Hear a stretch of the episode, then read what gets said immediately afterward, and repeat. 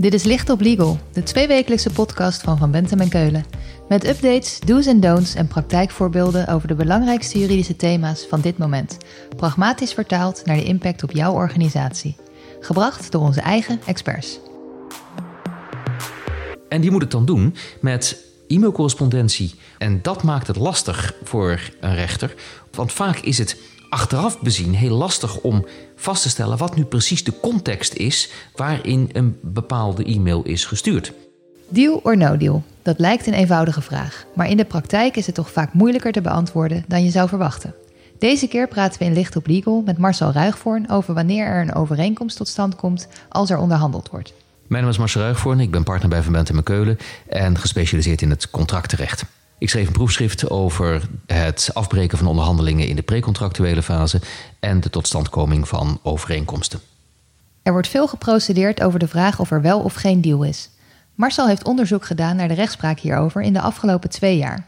Maar of er een overeenkomst is, dat is toch gewoon bij aanbod en aanvaarding. Oftewel, als ik iets aanbied onder bepaalde voorwaarden en de ander zegt: ja, dat is goed. Kortom, een nogal basale vraag.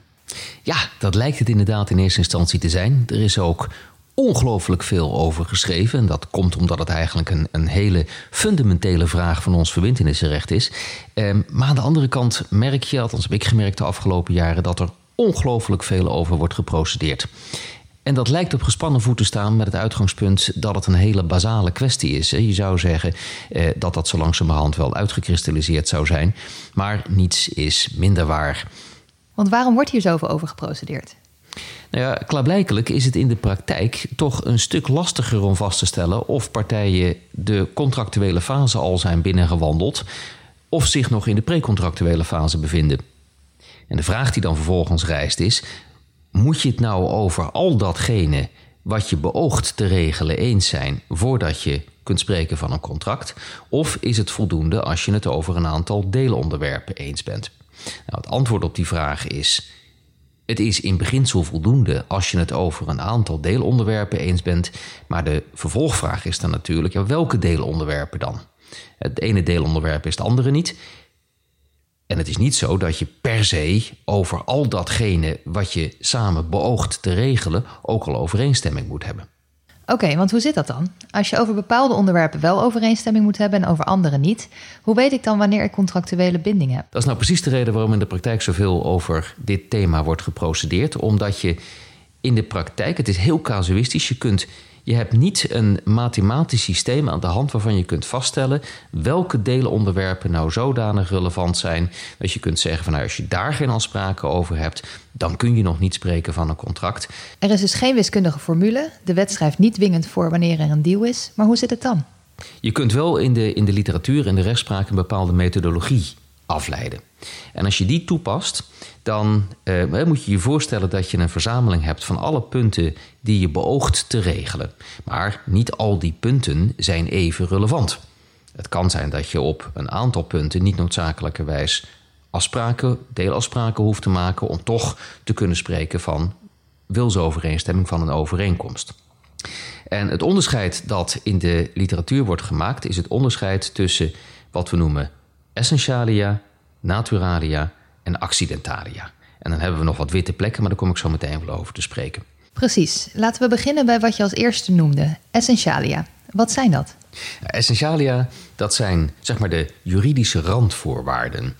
Uh, bij een benoemde overeenkomst en in de wet geregelde overeenkomst volgen die vaak uit de wetsbepaling. Als ik nou bijvoorbeeld kijk naar de koopovereenkomst, wat zegt de koopovereenkomst? De definitie van koopovereenkomst is: je hebt een object en je hebt daartegenover de bereidheid van de koper om dat object te verwerven tegenover een prijs in geld.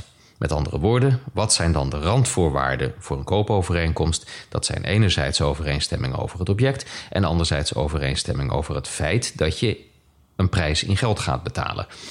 Dus object en prijs, dat zijn de randvoorwaarden zonder welke een koopovereenkomst niet kan bestaan. Je geeft het voorbeeld van de koopovereenkomst. Essentialia zijn dus de randvoorwaarden die de wet noemt om tot een overeenkomst te komen. Maar dan ben je er vast niet. Soms ben je er, als je het alleen al hebt over de essentialia, maar heel vaak ben je er dan nog niet. En dat heeft ermee te maken dat de aard van het contract vaak leidt tot de noodzaak om het over een aantal additionele elementen eens te worden. Dat zijn elementen die heel nauw verbonden zijn met de specifieke aard van de overeenkomst. En misschien dat ik daar een, voorbeeld van kan geven. Eh, stel dat wij onderhandelen over een, een, simpele koopovereenkomst voor potloden, pennen, gummetjes voor jouw kantoor. Nou ja, dan kun je niet zeggen dat overeenstemming over de wijze van geschillenbeslechting nou echt een heel wezenlijk element is. Hè. Ik kan niet zeggen, nou, als we dat niet geregeld hebben, hè, dan kun je niet spreken van een overeenkomst. Maar als ik nou eens het voorbeeld noem van bijvoorbeeld een, een, een, internationale oliemaatschappij die met de regering van Venezuela onderhandelt over het boren van een gat in het continentale plat van Venezuela, ja, dan, dan denk ik dat iedereen eh, op het eerste gezicht zal herkennen dat in zo'n overeenkomst, overeenstemming over het op die overeenkomst toepasselijke recht en over de wijze van geschillenbeslechting, dat dat hele fundamentele afspraken zijn die horen bij zo'n specifieke overeenkomst. En dus de aard van het contract kan met zich brengen dat je het over bepaalde elementen eens moet zijn. Die kunnen we ook objectief vaststellen. We kijken dan naar de maatpartijen, oftewel de gemiddeld zorgvuldig handelend partijen in de positie van deze twee onderhandelende partijen. En we stellen onszelf de vraag: wat zouden deze maatpartijen objectief bezien nou als elementen kenschetsen die zozeer verband houden met de aard van dit contract dat je moet zeggen: nou kijk, als je daar, daar nog geen afspraken over hebt gemaakt, dan uh, kun je nog niet spreken van de contractuele fase. Nou, die elementen die geven, die noemen we in de literatuur naturalia. Ah, daar is de maatman weer, die we in jouw vorige podcast over afgebroken onderhandelingen ook tegenkwamen. Oftewel, de redelijk denkende andere persoon in jouw schoenen. Zijn naturalia dan de onderwerpen waar je vanuit moet gaan dat die maatman dat minimaal zou willen regelen? Ja, nog, nog iets genuanceerder gezegd. Hè, wat, wat beide partijen behoren te beseffen met betrekking tot de punten die, gegeven datgene wat zij willen regelen, toch minimaal geregeld zouden moeten worden. Oké, even terug naar jouw voorbeeld van het oliewinningscontract. Dat kunnen best wel specifieke dingen zijn, zoals we spreken arbitrage af. Hoe bepaal je dat dan objectief? Kijk je dan of in alle oliecontracten wereldwijd het gebruikelijk is om dat af te spreken? Je kijkt naar de aard van dit specifieke contract dat deze twee partijen met elkaar beogen te regelen. En ja, dan is het inderdaad, dan kan het heel casuïstisch zijn. Hè? Wat, wat eh, desalniettemin kijk je naar wat de, de maatpartij, wat zou die partij nou, gegeven datgene wat partijen willen regelen, tenminste geregeld willen hebben. En bij zo'n voorbeeld, het voorbeeld dat ik gaf van die concessieovereenkomst. Ja, als het gaat tussen, tussen een, een land en een oliemaatschappij, ja, dan verwacht je dat. Dan, dan, dan is er een, een redelijke verwachting aan de zijde van beide partijen dat er iets geregeld gaat worden over geschillenbeslechting. Vaak zal dat arbitrage zijn. En zolang dat punt nog niet is geregeld, kun je er dus van uitgaan, zullen beide partijen ervan uitgaan, dat de andere partij er nog niet vanuit zal gaan dat zolang dat punt nog niet geregeld is, omdat dat nou eenmaal behoort tot de naturalia, de aard van de overeenkomst, ehm, dat zolang dat punt nog niet geregeld is, er ook nog geen contractuele binding zal zijn. Dat zijn de naturalia. Dan had je nog een derde categorie, de accidentalia. Dat klinkt als ongelukjes. Ja, ja maar het zijn het niet. Um, wat we bedoelen met accidentalia, en dat, dat is de, de, de lastigste categorie. Eh, en ook de categorie waar de meeste procedures over gaan. Die accidentalia, daar doel ik op specifieke punten die objectief bezien niet een heel wezenlijk onderdeel van de, de beoogde overeenkomst zijn. Maar die dat volgens partijen of volgens een van hen kenbaar gemaakt aan de ander wel zijn. Dat kan dus alles zijn. Dat kan van alles zijn. En dat maakt ook uh, waarom er zoveel over dit thema wordt geprocedeerd. Hè? Want uh, als ik met jou heb onderhandeld en ik ben degene die geen binding wil, ja, dan is er mij natuurlijk het nodige aangelegen uh, om aan te tonen dat jij had behoren te begrijpen dat een element dat wij samen nog niet geregeld hebben, voor mij een heel belangrijk element was. En om daar een voorbeeld van te geven, stel dat wij een, een, die, die huis- en een keukenovereenkomst waar ik het net over had, voor potloden, pennen, gummetjes, et cetera. Nou ja, ik denk dat we kunnen zeggen dat overeenstemming over de wijze van geschillenbeslechting nou niet een element is wat behoort tot de naturalia. Dus de aard van het contract brengt niet direct met zich dat we het daar nou over eens moeten worden voordat we überhaupt van contractuele binding kunnen spreken. Maar stel nou dat wij gezellig even samen gaan lunchen en dat ik mij tijdens die lunch laat ontvallen dat ik het ongelooflijk belangrijk vind om bij alle overeenkomsten die ik sluit bij wijze van geschillenbeslechting een bindend adviesclausule op te nemen. Ja, want dan, dan, dan kan ik eh, professor meester Dr. X uit Delft vragen. Die weet alles van potloden en pennen en gummetjes. Hè, we dat. Nou, objectief bezien is dat nou niet een element waarvan je moet zeggen... nou, als we dat niet geregeld hebben... dan kunnen we niet van contractuele binding spreken. Maar jij behoort je te beseffen... op grond van het feit dat ik jou dat gemeld heb... dat dat voor mij wel degelijk een heel belangrijk punt is. En dat betekent dat ik ervan uit mag gaan... dat ook bij jou het besef is doorgedrongen dat zolang we dat punt niet geregeld hebben, wij niet kunnen spreken van contractuele binding. Het zijn dus de onderwerpen die objectief bezien geen voorwaarden voor het contract zijn, maar subjectief gezien wel. Niet heel eenvoudig. Precies. En, en om het nou even helemaal complex te maken, heb je accidentalia in positieve zin en accidentalia in negatieve zin. Wat bedoel ik daarmee? Als er sprake is van elementen die weliswaar objectief niet relevant zijn, dus niet behoren tot de naturalia, maar die partijen wel als zodanig benoemd hebben, dan is er sprake van accidentalia in positieve zin. Maar het kan natuurlijk ook zo zijn dat partijen een element dat weliswaar objectief relevant is, eh, niet relevant vinden. En dan is er sprake van accidentalia in negatieve zin. dus iets kan een naturalium zijn, een element dat objectief behoort geregeld te worden gegeven de aard van het contract. Maar waarvan partijen zeggen, ja, vinden wij eigenlijk helemaal niet zo relevant. Nou, dan is er sprake van een accidentalium in negatieve zin. Hè, waarbij wat afgesnoept wordt van die tweede voorwaarde, zeg maar, die, van die naturalia. Want werkt dat inderdaad dan zo dat naturalia, die in alle andere gevallen een randvoorwaarde zijn, dat nu niet meer zijn? Precies. En dat betekent ook dat je een soort stappenplan krijgt om te bepalen of er al contractuele binding is. Dus de eerste de eerste stap als ik, als ik te maken heb met een cliënt die uh, aan mij de vraag voorlegt of er al contractuele binding is, dan zal mijn eerste vraag zijn van nou, maak nou eens dus een opsomming, een verzameling van alle elementen die jullie hebben beoogd te regelen. Vervolgens gaan we dan vaststellen wat de essentialia zijn.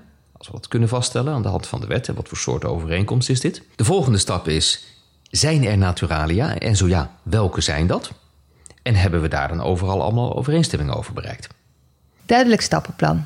Kijk eerst naar wat moet van de wet, dan naar wat objectief gezien geregeld zou moeten worden, dan naar wat subjectief gezien geregeld zou moeten worden, of juist niet. Maar er is ook nog zoiets als witte plekken. Ja, je hebt in bijna ieder commercieel contract nog wel elementen zitten die zowel in kwalitatief opzicht als in kwantitatief opzicht ten opzichte van datgene wat al wel geregeld is, zodanig onwezenlijk zijn dat ze er niet aan in de weg hoeven te staan dat er sprake is van contractuele binding. Um, Zo'n overeenkomst die witte plekken bevat, uh, maar die overigens eigenlijk ja, perfect is, uh, noemen we in de literatuur wel een rompovereenkomst. Een rompovereenkomst is dus gewoon een, een snoeiharde overeenkomst. Uh, kan je nakoming van worden, kan je ontbinden, kan je vernietigen. niks mis mee. Alleen er, er is nog een beperkt aantal witte plekken, nog ongeregelde punten eh, waar partijen nog invulling aan moeten geven of waar invulling aangegeven kan worden via de redelijkheid en billijkheid, maar die er niet aan in de weg staan dat die rompovereenkomst een feit is. Duidelijkheid over essentialia, naturalia, accidentalia en witte plekken bepaalt dus of er een deal is of niet. Wat kunnen onderhandelaars en juristen hiermee in de praktijk?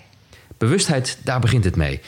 Op het moment dat je aan het onderhandelen bent, uh, ja, dan, dan moet je je ervan bewust zijn wanneer je in de gevarenzone komt op het moment dat je je handen vrij zou willen houden. Uh, op het moment dat achteraf moet worden beoordeeld of er al sprake is van het intreden van de contractuele fase, ja, dan ga je natuurlijk naar de feiten kijken. Dan kom ik terug op mijn stappenplan. Ga je kijken, joh, wat zijn de essentialia, de naturalia, de accidentalia? En kunnen we vaststellen, als we die hebben gedefinieerd met elkaar, of daar al deel over, overeenstemming over bestaat. Bewustheid dus. Maar je hebt gekeken naar hoe rechters hiermee de afgelopen twee jaar zijn omgegaan. Wat heb je daarin gezien dat belangrijk is voor onderhandelaars en juristen? Ehm, kijk, rechters die, die moeten natuurlijk een oordeel vellen. Dus die, die passen het systeem, zoals ik dat zo net beschreef, in grote lijnen toe. Die kijken naar wat nou de, de, de belangrijke punten zijn die de aard van het contract met zich brengt. Die kijken naar eventuele accidentalia. Wat zijn de punten die deze partijen als, als wezenlijk hebben gedefinieerd samen? Ehm, en die moet het dan doen met, met vaak e-mailcorrespondentie of eventueel verklaringen van partijen. Um, en, en, en dat maakt het lastig voor uh, een rechter. Om, want, want vaak is het achteraf bezien heel lastig om vast te stellen wat nu precies de context is waarin een bepaalde e-mail is gestuurd. Terwijl die e-mail voor de rechter wel een, een heel mooi aanknopingspunt kan zijn om vast te stellen of het hier gaat om een belangrijk punt of een onbelangrijk punt, CQ of partijen over dat punt nou al daadwerkelijk deelovereenstemming hebben. En dat betekent dus dat op het moment dat je zeker dat je richting uh, de, de contractuele fase opschuift in de onderhandelingen, dat je je heel goed bewust moet zijn, niet alleen van hoe dit systeem juridisch werkt. En waar de rechter naar op zoek gaat op het moment dat er een geschil is en de vraag aan de orde is of er een contractuele binding is. Maar dat je ook goed moet nadenken wat je opschrijft en wat je communiceert met je wederpartij. Al naar gelang wat je in de precontractuele fase misschien wilt nastreven. Maar je zult zien dat uh, in heel veel gevallen partijen met elkaar op een manier hebben gecommuniceerd die achteraf bezien ja, toch in een bepaalde juridische context wordt geplaatst en dan misschien een andere lading meekrijgt dan de lading die eertijds door partijen was bedoeld. De rechter kijkt achteraf en moet het dus doen met het bewijs dat hij voorgeschoteld krijgt. Vaak is dat tekst, soms ook getuigenverklaringen. Hoe dan ook, de kans is groot dat de juridische context waarin de rechter dat plaatst heel anders aanvoelt dan de situatie van het moment waarop partijen aan het onderhandelen waren. Met dat in gedachten, wat zou je de luisteraar willen meegeven?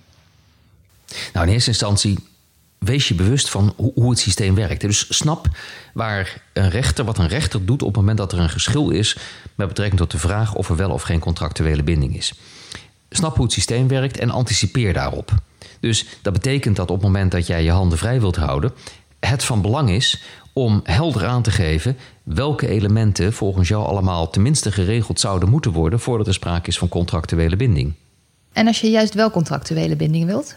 Ja, en op het moment dat je, dat je juist snel contractuele binding wilt, ja, dan is het zaak dat je probeert dat ook een beetje te downplayen. In die zin dat je zegt van nou ja, eh, die, die, die naturalia, die, die, die, die elementen die de aard van de overeenkomst normaal gesproken met zich brengen als zijnde wezenlijk, ja, die, die zijn, voor, voor mij kunnen we die eh, rustig laten voor wat ze zijn. Eh, dat hoeven we niet te regelen. Dan praten we over die, die negatieve accidentalia waar ik het net over had. Dus wees je ervan bewust hoe het systeem werkt en anticipeer daarop. Dat is eigenlijk wat ik de luisteraar wil meegeven. Marcel, dankjewel. Als we meer willen weten, hoe kunnen we je dan bereiken? Via e-mail marcelruigvoorn.vbk.nl of via onze website. Dit was Licht op Legal, een podcast van Van Bentem en Keulen. Te beluisteren via Spotify, Apple Podcasts of je eigen favoriete podcast-app. Wil je meer weten? Heb je suggesties voor een onderwerp? Of wil je dat onze experts hun licht laten schijnen op jouw juridische vraagstuk? Laat het ons dan weten via vbk.nl/slash lichtoplegal.